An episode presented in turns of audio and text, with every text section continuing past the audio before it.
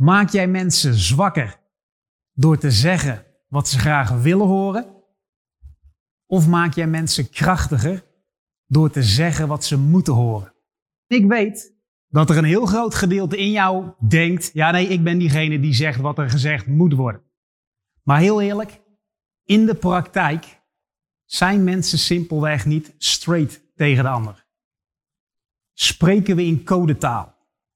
Hebben we een hele duidelijke boodschap met een goede correctie, alleen verpakken we die met kussens eromheen. En in heel veel gevallen zelfs matrassen eromheen, om in ieder geval de cliënt wel een goed gevoel te geven en de situatie lekker comfortabel te houden. We draaien om de dingen heen.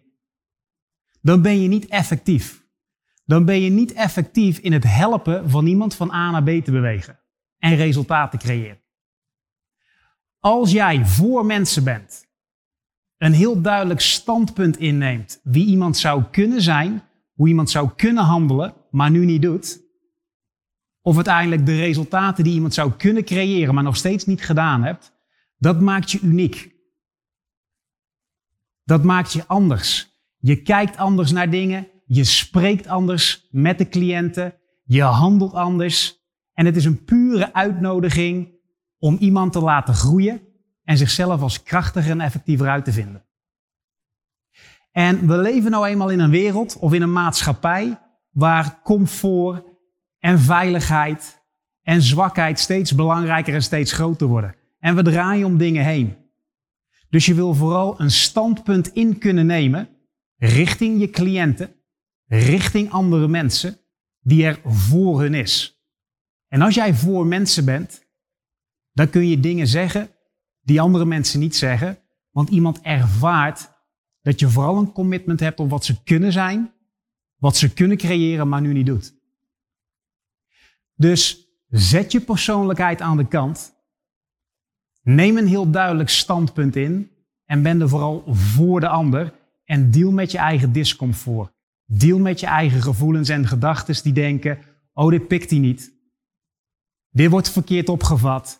Ik moet wel aardig gevonden blijven worden. Als je dat doet, ben je niet effectief of minder effectief in je conversaties en heb je onoprechte gesprekken.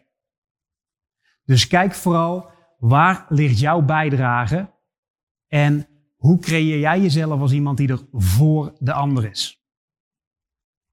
Stel iemand uit je omgeving, persoonlijk, struggelt op het gebied van gezondheid. Is niet fit, rookt veel, drinkt veel, slaapt weinig en zie je eigenlijk elk jaar achteruit gaan, achteruit gaan en achteruit gaan. Het slechtste wat je zou kunnen doen is dat tolereren. Is daar niks van zeggen en denken, ja, die heeft al zat aan haar hoofd, heeft al voldoende issues te gaan, dus daar laten we. Op het moment dat je er voor iemand bent, dan confronteer je die persoon daarmee. Met de bullshit. Met het handelen wat niet werkbaar is. En vooral de verantwoordelijkheid die niet genomen wordt.